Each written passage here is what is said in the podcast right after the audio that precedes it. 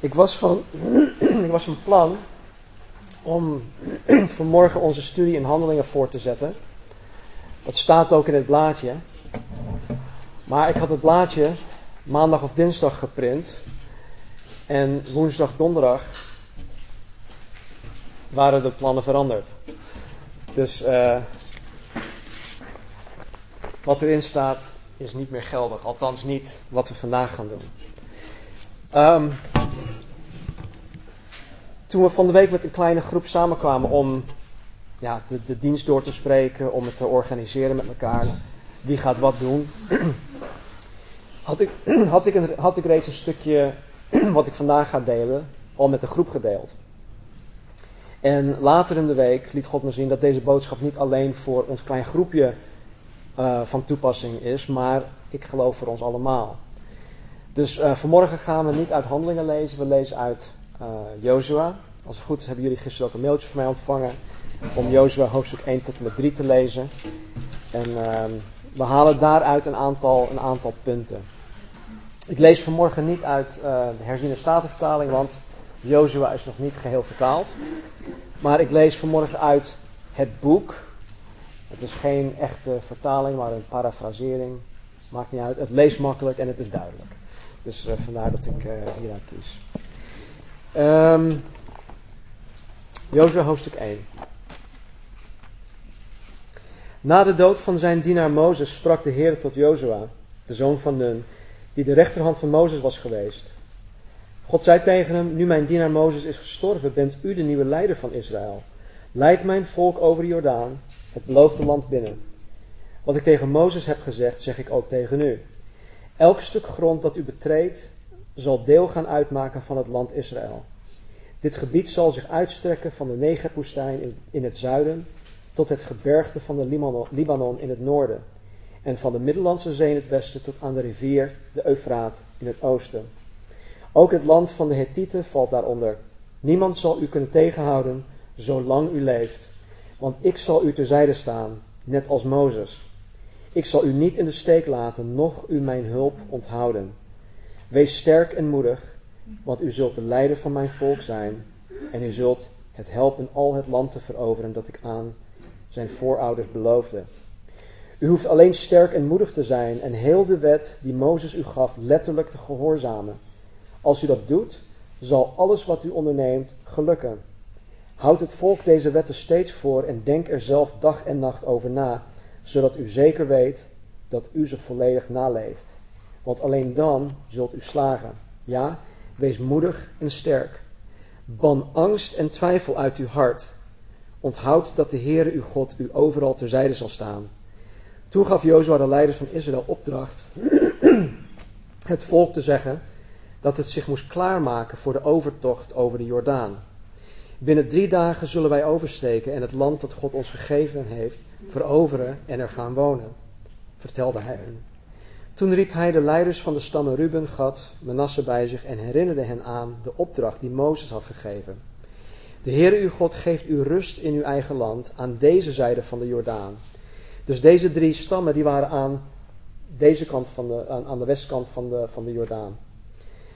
Um, daarom mogen uw vrouwen, kinderen en het vee hier blijven. Maar uw troepen moeten volledig bewapend de andere stammen over, die, over de Jordaan leiden.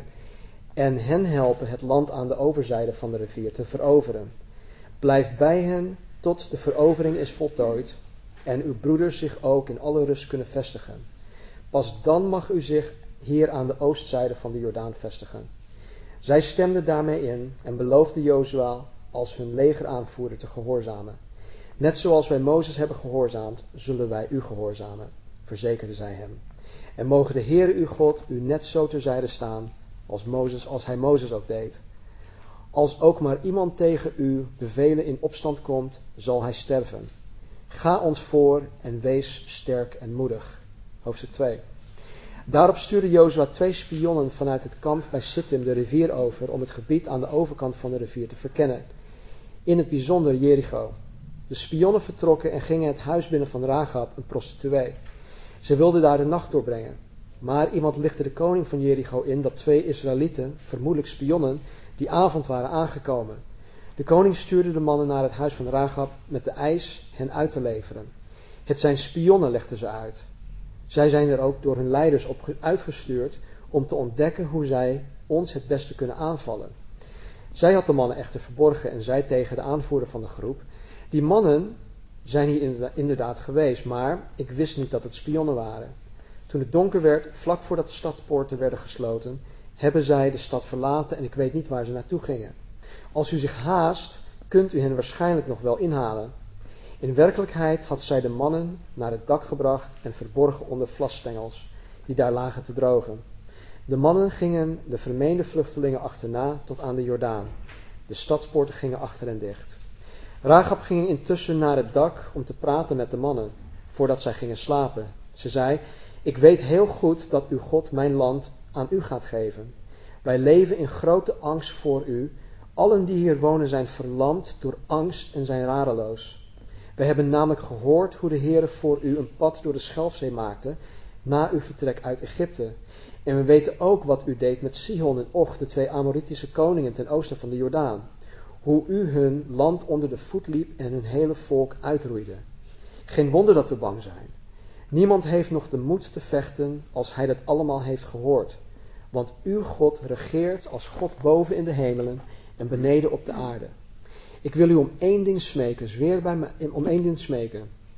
Zweer bij mij, de naam van uw God, dat u bij de verovering van Jericho mij, mijn ouders, mijn broers en zusters met hun gezinnen in leven laat, omdat ik u heb geholpen. De mannen antwoordden, als u ons niet verraadt, zullen wij ervoor zorgen dat u en uw familieleden niets overkomt. Wij zullen uw dankbaarheid en uw trouw bewijzen en u met ons eigen leven beschermen. Toen liet zij de mannen aan een touw langs de stadsmuur naar beneden zakken.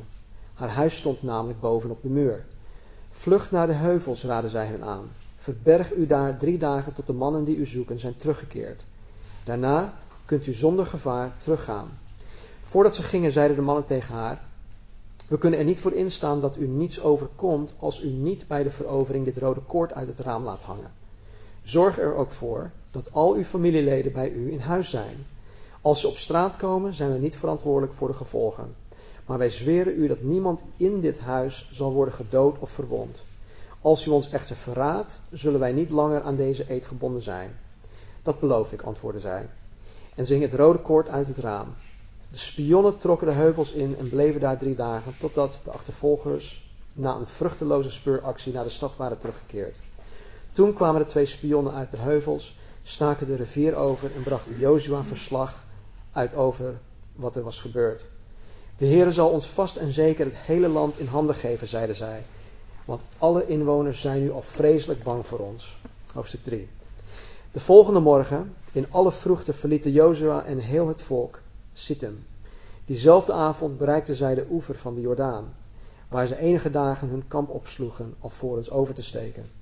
Op de derde dag gingen enkele aanvoerders het kamp door en gaven de volgende instructies. Als u de priesters de ark ziet dragen, volg hen dan. Waar wij heen gaan, bent u nog nooit geweest. Daarom zullen zij u de weg wijzen. Blijf echter een krappe kilometer achter hen, met een duidelijke ruimte tussen de ark en u. Zorg ervoor dat u niet dichterbij komt. Toen droeg Jozua iedereen op zich te heiligen. Morgen, zei hij, zal de Heer een groot wonder verrichten. De volgende ochtend gaf Jozua de priesters de opdracht: Neem de ark op en leid ons over de rivier. En zo gingen zij voor het volk uit. Vandaag zei de Heer tegen Jozua: Zal ik u grote eer geven, zodat heel Israël weet dat ik net zo met u ben als ik met Mozes was. Geef de priesters die de ark dragen opdracht dat zij aan de oever van de rivier stilstaan. Jozua riep het volk bijeen en zei: Kom hier en luister naar wat de Heer uw God heeft gezegd. Vandaag zal het u duidelijk worden dat de levende God in uw midden is en dat hij vast en zeker de Canaanieten, Canaanieten, Hethieten, Hevieten, Ferezieten, Gergazieten, Amorieten en Jebusieten zal verdrijven. Want de ark van het verbond van God, die de Heere van de hele aarde is, zal u over de rivier leiden. Kies nu twaalf mannen, één uit elke stam voor een speciale opdracht. Wanneer de priesters die de ark van de Heere dragen met hun voeten het water aanraken, zal de rivier ophouden met stromen. Het water dan, of dat van bovenaf komt, zal als een dam blijven staan. Dit gebeurde in het oogstseizoen en de Jordaan was al buiten zijn oevers getreden. Toen het volk zich in beweging zette en de voeten van de priesters de ark die de ark het verbond droeg het water raakte, begon het rivierwater zich plotseling verstroomopwaarts bij de stad Adam, dicht bij Zaratan, op te hopen, alsof het een dam was. Het water beneden dat punt stroomde verder naar de Zoutzee, tot de rivierbedding droog stond. Toen stak het hele volk de rivier over ter hoogte van Jericho. De priesters die de ark droegen, stonden op het droge, midden in de Jordaan en bleven daar, terwijl het hele volk aan hen, aan hen voorbij trok. Nou, dat is een leuk stuk. Volgens mij staat er een record voor ons dat we drie hoofdstukken hebben gelezen. Um.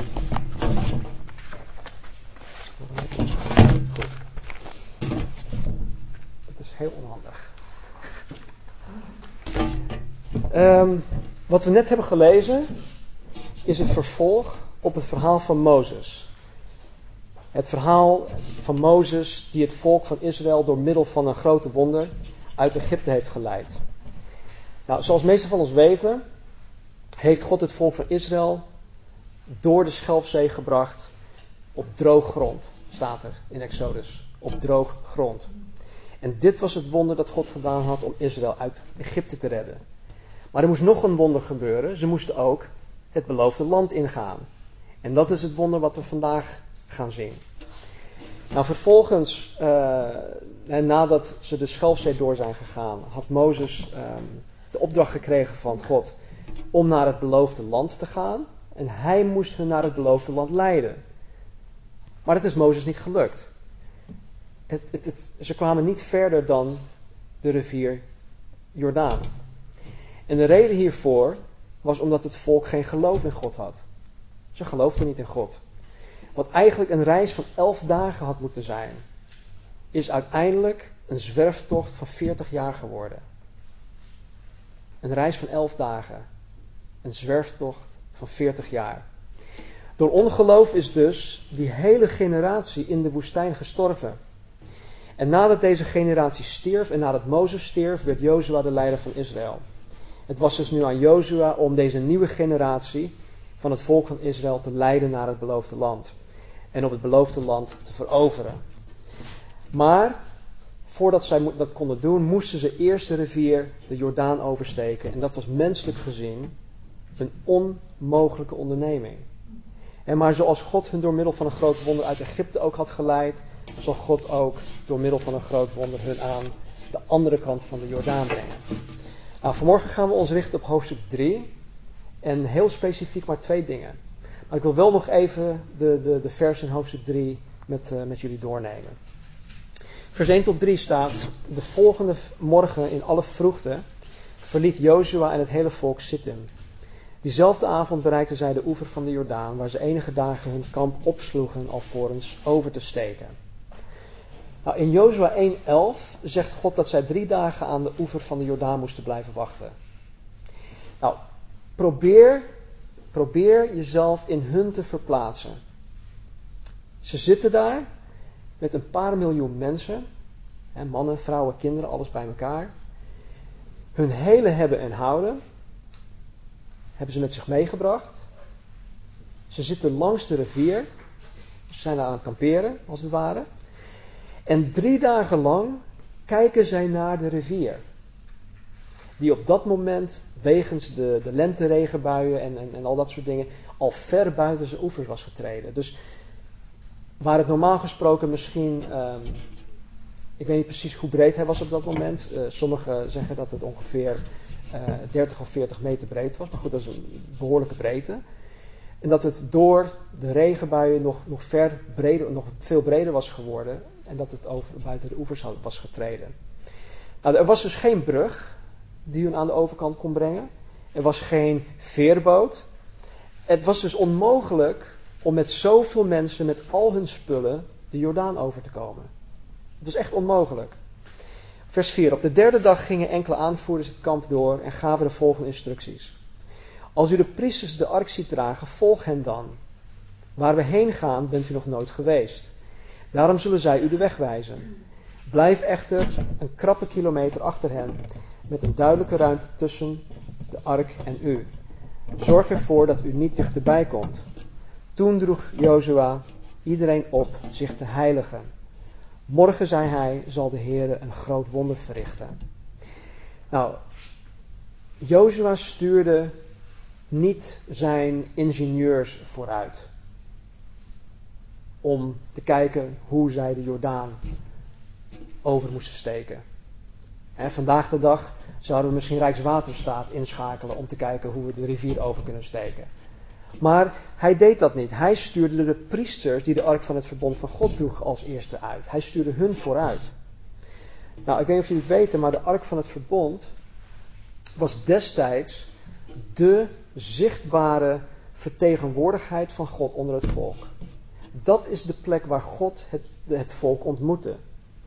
Dus als mensen aan de ark van het verbond dachten, dan dachten ze: Oh, daar is God. Daar woont God. Daar komt God ons uh, tegemoet. Daar komt Hij ons tegen. Daar ontmoet Hij ons. Dus hij stuurde de ark van het verbond vooruit. Jozua wist dat dit een geestelijke kwestie was. En niet een kwestie van uh, ingenieurwetenschap of uh, kijken hoe ze dat allemaal moesten gaan doen. Dus hij liet hun door God leiden en niet door menselijk inzicht en, en dat soort dingen. Maar God vereiste dat het volk afstand hield van de ark. Ten eerste was dat omdat, ja, uit, uit eerbied en ontzag voor de ark, eerbied en ontzag voor God. En mensen mochten sowieso niet dichter bij God komen. En ik denk ook ten tweede, zodat iedereen een goed uitzicht had op de ark. Iedereen moest hun ogen gericht houden op de ark. En stel je voor, je hebt, je hebt hier een ark staan en een hoop mensen staan eromheen. Als je achter in de rij staat, dan, dan kan je hem niet zien. Dus als er een kilometer ruimte was rondom die ark, dan kon iedereen van ver af de ark blijven zien. En dat was de bedoeling dat de mensen hun ogen gericht bleven houden op de ark van het verbond. nou, omdat ze, omdat ze deze weg nog nooit eerder waren gegaan, wezen de priesters hun de weg. Nou, hoe wisten de priesters de weg? Nou, de priesters werden door God geleid. Zij wisten waar ze naartoe moesten. Het was dus eigenlijk God zelf, vertegenwoordigd door de ark, die het volk de weg wees. God zelf leidde hen. En Israël zou deze onmogelijke taak, onmogelijke taak dus alleen kunnen volbrengen door hun ogen gericht te houden op de ark, dus op God, en door alleen Gods vertegenwoordigheid na te volgen. En de enige manier om de, de rivier over te komen was hun te richten op God, op de vertegenwoordigheid van God en God na te volgen. Klinkt dat bekend? Dat hebben we ook in handelingen geleerd. Dat leren, dat leren we nu nog steeds. Goed, toen ook. Jozua riep een ieder op om zich te heiligen. Nou, ik geloof dat omdat dit een geestelijke strijd betrof, moesten de mensen zich ook geestelijk voorbereiden. En vaak denken we aan heiligen dat we, ja, dat we, dat we allerlei heilige dingen moeten gaan doen. Maar in, in, in de meest eenvoudige zin van het woord heilige is dat je jezelf apart zet. Apart van uh, het dagelijks leven, van je dagelijkse sleur, apart van alle dingen die je normaal gesproken in je leven doet, om je geheel op God te gaan richten. Want, hij zegt, de Heere zal een groot wonder verrichten. De mensen moesten daarop attent zijn. Stel je voor, hè, stel je voor dat wij in ons dagelijkse sleur, in, ons dagelijks leven, bezig zijn met, met iets. Uh, of we zijn aan het gamen, of we zijn aan tv aan het kijken, of um, uh, op de sportschool.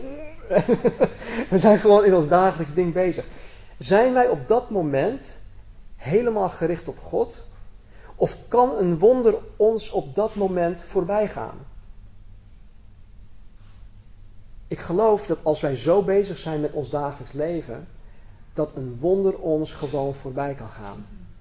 En, en, en Jozua wilde, wilde de mensen daarvoor juist behoeden dat ze zich zouden gaan richten op God, zodat deze wonder hun niet zou ontgaan. Kijk, in dit geval zou het wonder hun sowieso niet ontgaan, want het is een gigantisch wonder. Maar er zijn hele kleine dingetjes die God ons die, ja, hij wil onze aandacht daarvoor hebben. En als we te druk bezig zijn, dan, dan zullen deze dingen ons voorbij gaan.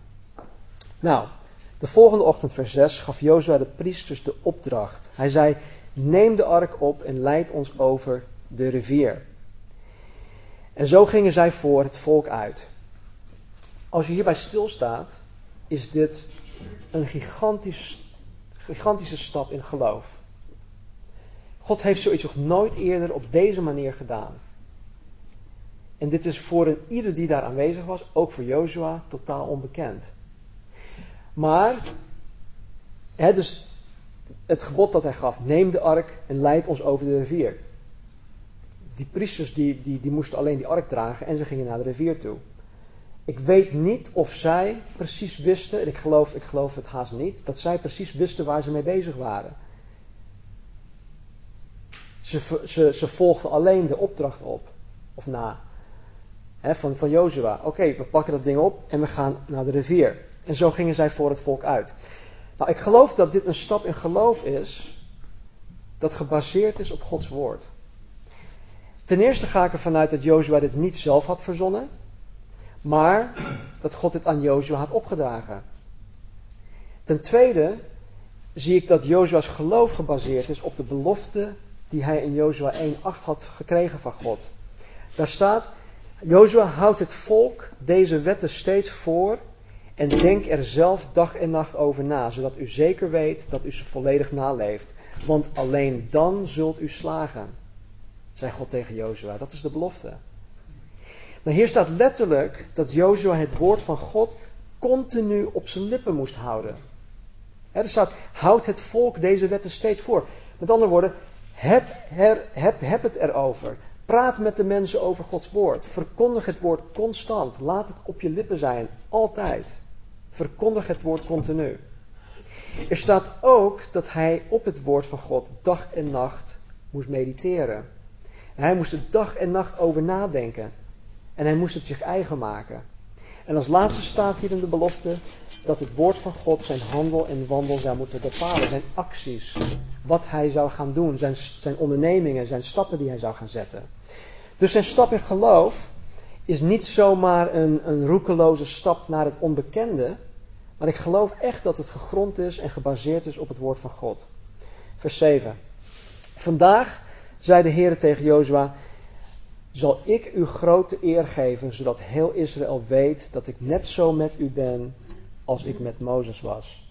Geef de priesters die de ark dragen opdracht dat zij aan de oever van de rivier stilstaan.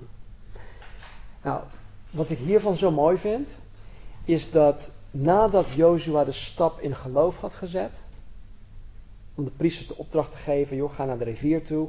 En ja, sowieso alles wat ze daar aan het doen waren, bemoedigt God hem. Eerst zette hij de stap in geloof. Nadat hij die stap heeft gezet, komt God weer bij hem en hij bemoedigt hem. En het is altijd zo dat waar wij stappen in geloof zetten, dat God er is om ons daarin te bemoedigen. Hij zal ons nooit tot een stap in geloof toebrengen en zeggen van oké, je hebt die stap gezet. Prettige wedstrijd. Nee, hij is daar om ons te bemoedigen van yes, je hebt die stap gezet. Nu kunnen we verder. En kijk wat er verder gebeurt. Nadat God of Jozua God had gehoorzaamd en door deze stap in geloof te zetten, kreeg Jozua vervolgens ook meer concrete en meer specifieke instructies. In vers 8 staat er: Geef de priesters die de ark dragen opdracht dat zij aan de oever van de rivier stilstaan. Dus heel specifiek, niet alleen richting de rivier gaan, jongens, maar blijf daar stilstaan. En ik geloof ook dat dit de manier is waarop God ons leidt of in ons leven werkt. En wanneer wij Hem gehoorzamen door een, geloof, door een stap in het geloof, in geloof te zetten, dan zal God ons ook meer concrete en specifieke instructies geven. Ik heb het zelf ook meegemaakt. In 1998, eind 98, was het eind van onze eerste church plant, de eerste Calvary Chapel in Nederland. Ik ben in november 98 de zakenwereld weer terug eh, ingegaan. Ik ben voor Xerox gaan werken. En in een jaar tijd had ik zoiets van: Heer, wat moet ik nou? Ik ben niet naar Nederland gekomen om voor Xerox te gaan werken. En in 1999 reed ik langs wat nu Getsenwoud heet. Destijds was het nog allemaal polder. Er stonden wat borden. Hier en daar waren wel wat huizen gebouwd. Maar Er stond borden op van, ja, schrijf je in, bla bla bla. Ik dacht van, nou joh, eh, ik, ik, want ik reed er elke dag langs naar Amsterdam toe. En ik dacht van, nou, uh, heer, wat, wat moeten we? Wilt u dat wij hier in Nederland blijven? Wil, of wilt u dat we terugkeren naar de States? Wat, wat, wat moet u? Wat wilt u van ons? Nou, in die periode, in ongeveer twee of drie jaar tijd, vier jaar tijd, het enige wat ik van God te horen kreeg, wat Marnie en ik van God te horen kregen, was blijf in Nederland. Dat was de opdracht. Blijf in Nederland. Ja, maar waarvoor dan? Blijf in Nederland. Ja, maar ik ben niet naar Nederland toe gekomen om voor Xerox te werken. Dan kan ik net zo goed een stage doen, dan kan ik veel meer geld verdienen, kan ik naar een mooie kerk gaan, bla bla bla. Ik heb allerlei smoesjes en excuses om niet in Nederland te blijven. Blijf in Nederland, zei God. Vier of vijf jaar lang kreeg ik alleen maar dat te horen. Blijf in Nederland. Dus uit gehoorzaamheid aan God bleven wij in Nederland. Dat ging echt zo dwars tegen mijn verstand in. Het ging tegen mijn gevoelens in. Maar het enige wat we wisten was om in Nederland te blijven. Dus deden we dat. In een periode van acht jaar, 98 tot, nee, vertellen, acht jaar, nee, van 98 tot, um, tot eind 2002, dus vier jaar, wisten we dus helemaal niks. Toen hadden we ons aangesloten bij de Meerkerk, eind 2002. We hebben daar vier jaar gediend. En na vier jaar zitten we hier. Zijn we de Calvary Chapel gestart. Nou, wat ik daarmee wil zeggen is dat, voor, dat voor, voor een hele lange tijd wij alleen maar wisten dat we in Nederland moesten blijven. Daarna gaf God ons meer concrete en meer specifieke instructies. Maar als wij die eerste stap niet hadden gezet, als we niet eerst de eerste uh, opdracht hadden volbracht of gehoorzaamd, dan had hij ons nooit de meer specifieke opdrachten gegeven. Dan hadden wij hier waarschijnlijk ook nooit gestaan als gemeente zijnde. Wat zeg je? Ja, dan, dan, dan waren heel veel wonderen die in ons leven zijn gebeurd, in, in ons leven zijn gebeurd, dan zal ons het allemaal uh, zijn ontgaan. Dus het is belangrijk dat wanneer God zegt, doe dit, dat we dat doen. En dan zeggen, oké Heer, ik weet niet wat u hiermee bedoelt, maar ik doe het toch, ik zet die stap en ik zie het wel. Mensen, dat gaat echt dwars tegen je verstand in, het gaat tegen je gevoelens in. Maar geloof me, zo werkt God. We zien het in, het in de Bijbel en we zien het ook in ons leven hier en nu. Nou, vers 9. Jozua riep het volk op, of bijeen en zei: Kom hier en luister naar wat de Heer uw God heeft gezegd. Vandaag zal het u duidelijk worden dat de levende God in uw midden is en dat hij vast en zeker de, de mensen zal verdrijven. Want de ark van het verbond van God, die de Heere van de hele aarde is, zal u over de rivier leiden. Kies nu twaalf mannen, één uit elke stam, voor een speciale opdracht. Die speciale opdracht die komt pas in hoofdstuk 4. Vers 13, wanneer de priesters die de ark van de Heere dragen, met hun voeten het water aanraken, zal de rivier ophouden met stromen. Het water dat van bovenaf komt, zal als een dam blijven staan. Nou, het wonder dat God gaat verrichten hier in de Jordaan zal het bewijs zijn dat God met Jozua is en dat God met het volk is. Op deze manier wil God aantonen dat hij met hun is. Tegelijkertijd is dit wonder een belofte van God dat hij vast en zeker het volk van Israël in de toekomst, dus na dit wonder, zal zegenen en dat hij hun de overwinning over hun vijanden, vijanden zal geven. Want waarom zou hij hun de rivier overbrengen als hij hun in de toekomst nogmaals niet zal blijven gaan zegenen en ook niet de overwinning zal geven? Dat heeft hij al meerdere malen beloofd. En hij, en hij, en hij maakt het nu waar door deze, um, dit wonder te doen. Jozua is er 100% van overtuigd dat God zelf hun aan de overkant van de Jordaan zal brengen. En nogmaals, dit is een geestelijke strijd die gewonnen moet worden. En het is geen kwestie van menselijke wijsheid of ingenieurwetenschap. Vers 14. Dit gebeurde in het oogstseizoen en de Jordaan was al buiten zijn oevers getreden. Toen het volk zich aan, toen het volk zich in beweging zette en de voeten van de priesters die de ark van het verbond droegen het water raakten, begon het rivierwater zich plotseling verstroomopwaarts bij de stad Adam, dicht bij Zaretan, op te hopen alsof het een dam was. Het water beneden dat punt stroomde verder naar de Zoutzee, tot de rivierbedding droog stond. Toen stak het hele volk de rivier over ter hoogte van Jericho. Nou, God verrichtte hier een gigantisch wonder. Maar kijk naar de manier waarop het gebeurde. In vers um, ehm, 14 staat er: Toen het volk zich in beweging zette en de voeten van de priesters die de ark van het verbond droegen het water raakten, begon het rivierwater zich plotseling verstroomopwaarts op te hopen alsof het een dam was.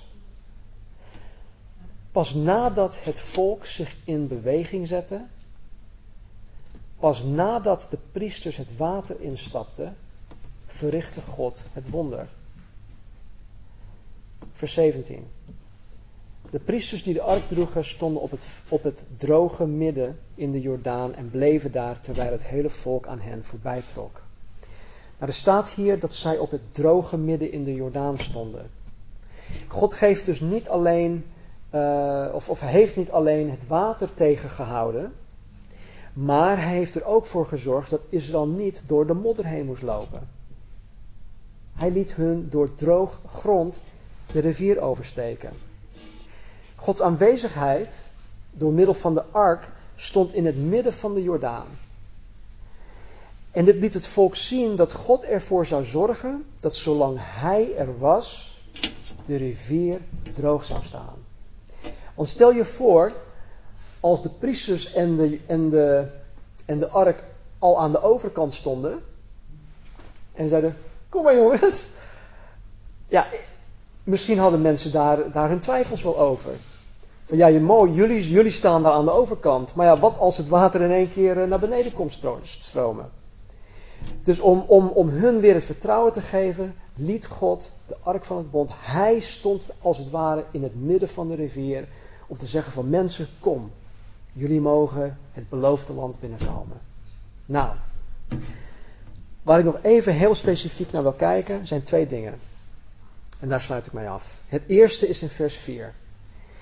Er staat, als u de priesters de ark ziet dragen, volg hen dan.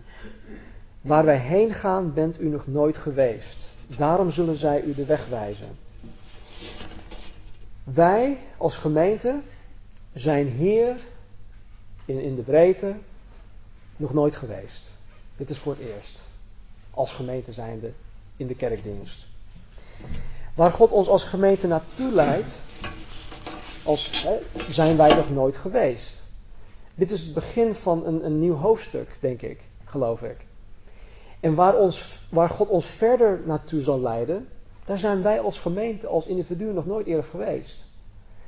En alhoewel um, dat altijd van toepassing zal zijn, het feit dat God ons altijd naar dingen of naar, naar, naar plaatsen zal leiden waar wij nog nooit eerder zijn geweest, misschien niet fysiek, maar vooral geestelijk, is het vooral nu, denk ik, in het bijzonder van toepassing omdat wij vanmorgen voor het eerst in dit nieuw gebouw zitten. Dus dit is voor ons echt nieuw. En wat, wat ons, ja, wat, wat, wat we in de toekomst gaan doen met elkaar, volgende week zondag, uh, de dinsdag en, en de weken die aan zitten te komen, dat weten we allemaal niet.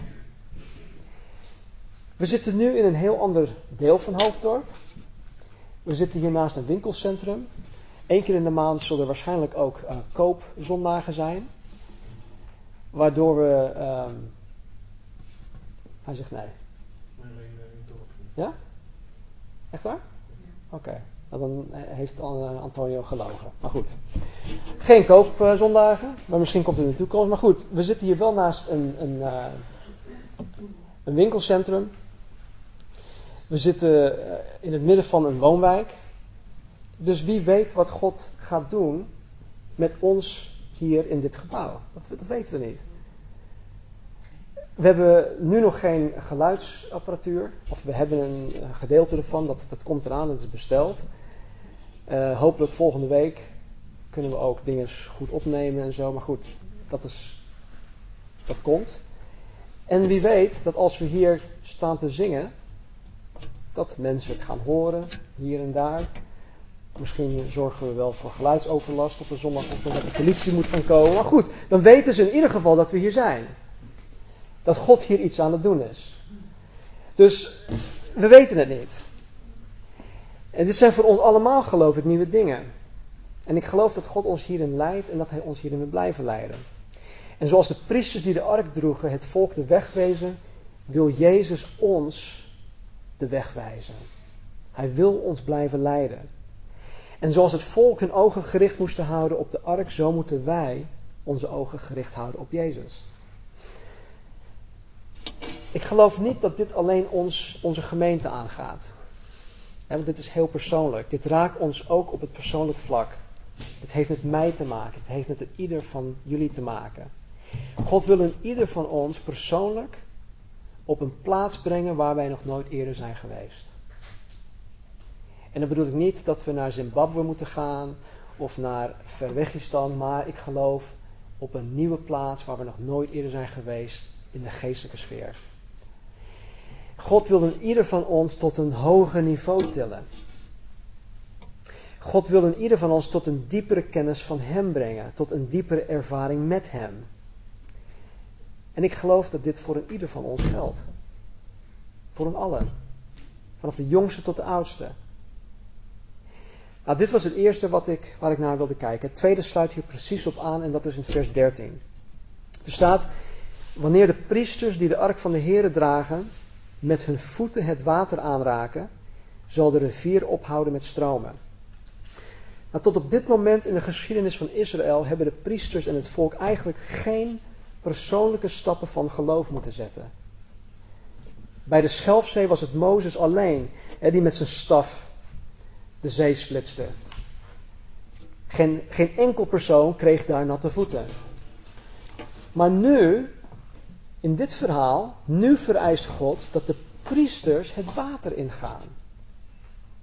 Hij zegt niet tegen Jozua, pak een stok of pak de staf en, en, en zeg dat het water zich moet splitsen. Nee, hij zegt wanneer de priesters met hun voeten het water aanraken. Dus God vereist dat de priesters het water ingaan. Hij vereist dat de priesters hun voeten nat laten worden.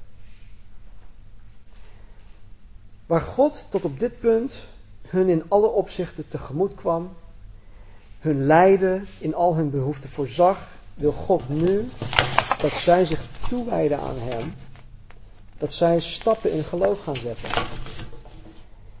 En hierin trek ik een, een, een prachtig parallel met ons als gemeente en met een ieder van ons persoonlijk. God heeft ons vanaf het begin stap voor stap geleid als gemeente. God zal het blijven doen, uiteraard. God heeft tot op dit moment in alle behoeften voorzien. Dat zal hij ook blijven doen, uiteraard. Omdat het Gods werk is. En omdat Hij dit ook wil doen. Dit is, dit is zijn investering. Hij investeert in dit werk. Dus Hij zal het ook blijven leiden. Hij zal het blijven voorzien. Maar ik geloof dat God ons als gemeente, ons persoonlijk, op een plaats wil brengen waar wij nog nooit zijn geweest. Dat is spannend. Dat is opwindend. It's, it's exciting. Ik geloof dat God in ieder van ons tot een hoger niveau wil tillen. Tot een diepere kennis van Hem, tot een diepere ervaring met Hem. En ik geloof dat God in ieder van ons vanmorgen vraagt om de rivier in te stappen. Ik geloof dat God in ieder van ons vanmorgen vraagt om stappen in geloof te gaan zetten. En ik geloof dat wanneer God ons als individuen op die plaats krijgt waar wij als individu nog nooit eerder zijn geweest, dat God onze gemeente zal leiden tot die plaats waar Hij zijn grote wonderen zal gaan verrichten. Want het ligt niet aan één persoon. Het ligt aan ons allen. Het was niet alleen het geloof van Jozua dat het wonder deed gebeuren. Nee, het was het geloof van Jozua, het was het geloof van de priesters en het was het geloof van het volk die het wonder deed verrichten of gebeuren. Dus het is een collectief iets. Wij moeten geloven. Wij moeten stappen in geloof zetten. Persoonlijk, maar ook als gemeente zijnde. Wij moeten de rivier in gaan stappen. Voor een ieder betekent het in de rivier stappen iets anders.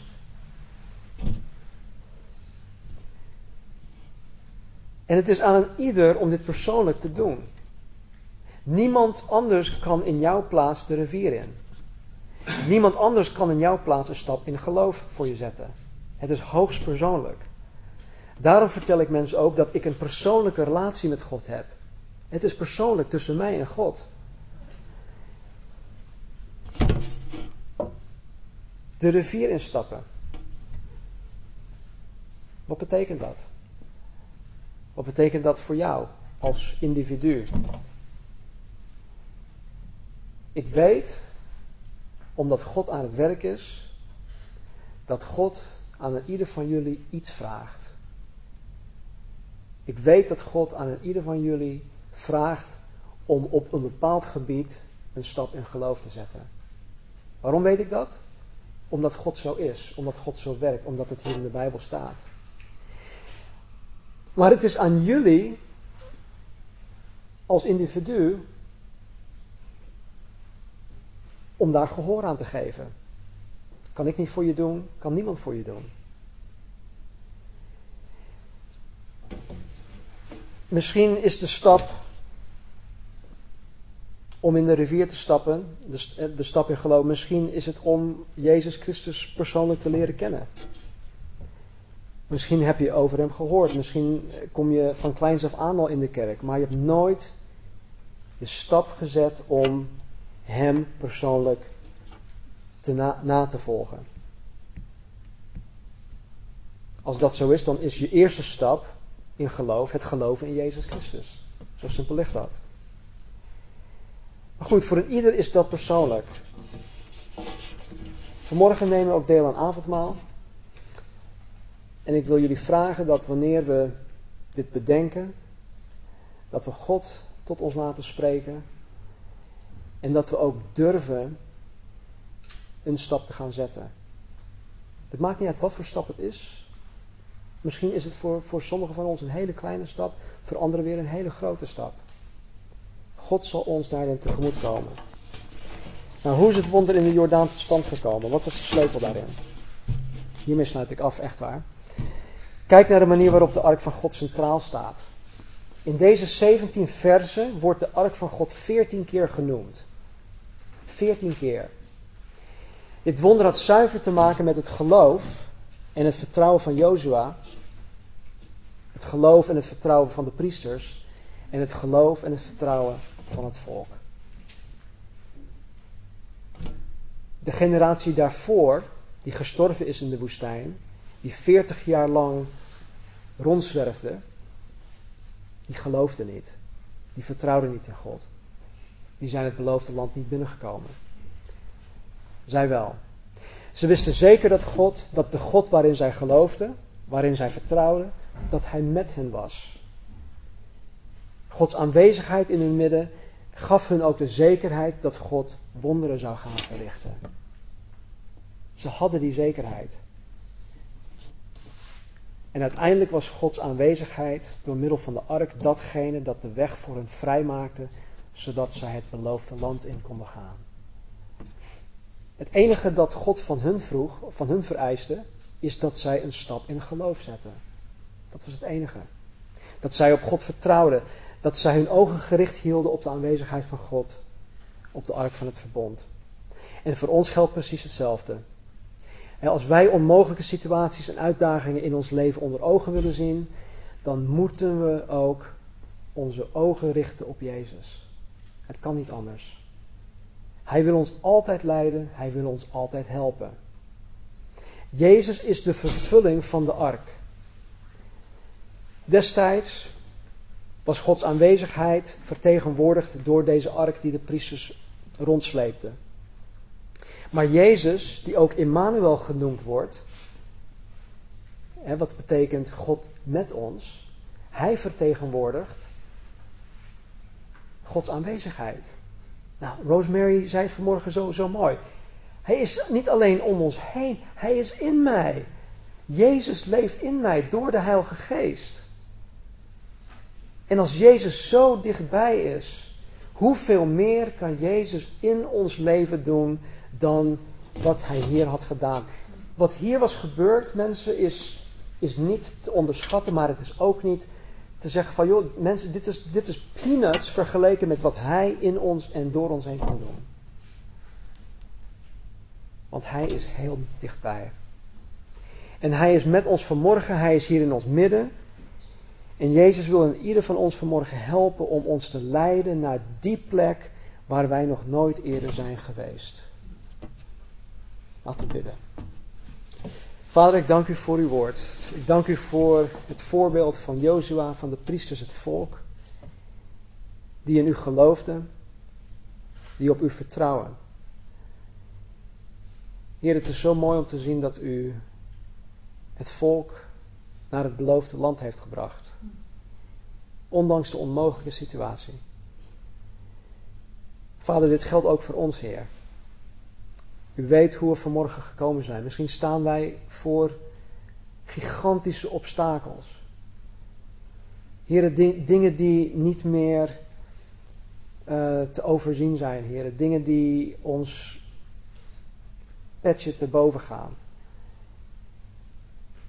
Heren, misschien staan we voor zaken die, die wij zelf niet meer aankunnen.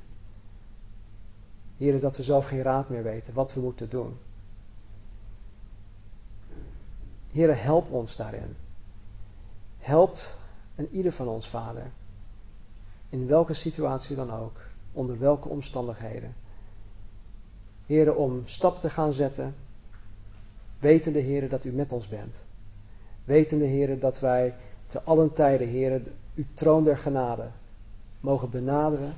Om hulp, genade, barmhartigheid te vinden, Heren, op het juiste tijdstip. En Heren, misschien is dat tijdstip nu op dit moment. Vader, kom in ieder van ons tegemoet. En Heer, wanneer we zometeen het heilige avondmaal nuttigen, Heer, leid ons daarin. Laat geen enkel persoon, Heer, zich schamen of beschaamd voelen of onwaardig voelen, Heer, om deel te nemen aan het avondmaal. Want Heer, u heeft zelfs het avondmaal gedeeld met Judas, die u verraden heeft. En Heer, als u het met hem heeft gedeeld, waarom zou ik me hoeven ja, te hoeven schamen om, om geen deel, om, om, om daar niet deel aan te nemen? Het is juist daarom, Heer, dat u bent gekomen. Het is juist daarom dat u gekruisigd bent. En zo, Heer, we geloven dat uw bloed ons continu wast van alle ongerechtigheid. En ik dank u daarvoor. In Jezus' naam. Amen. Amen.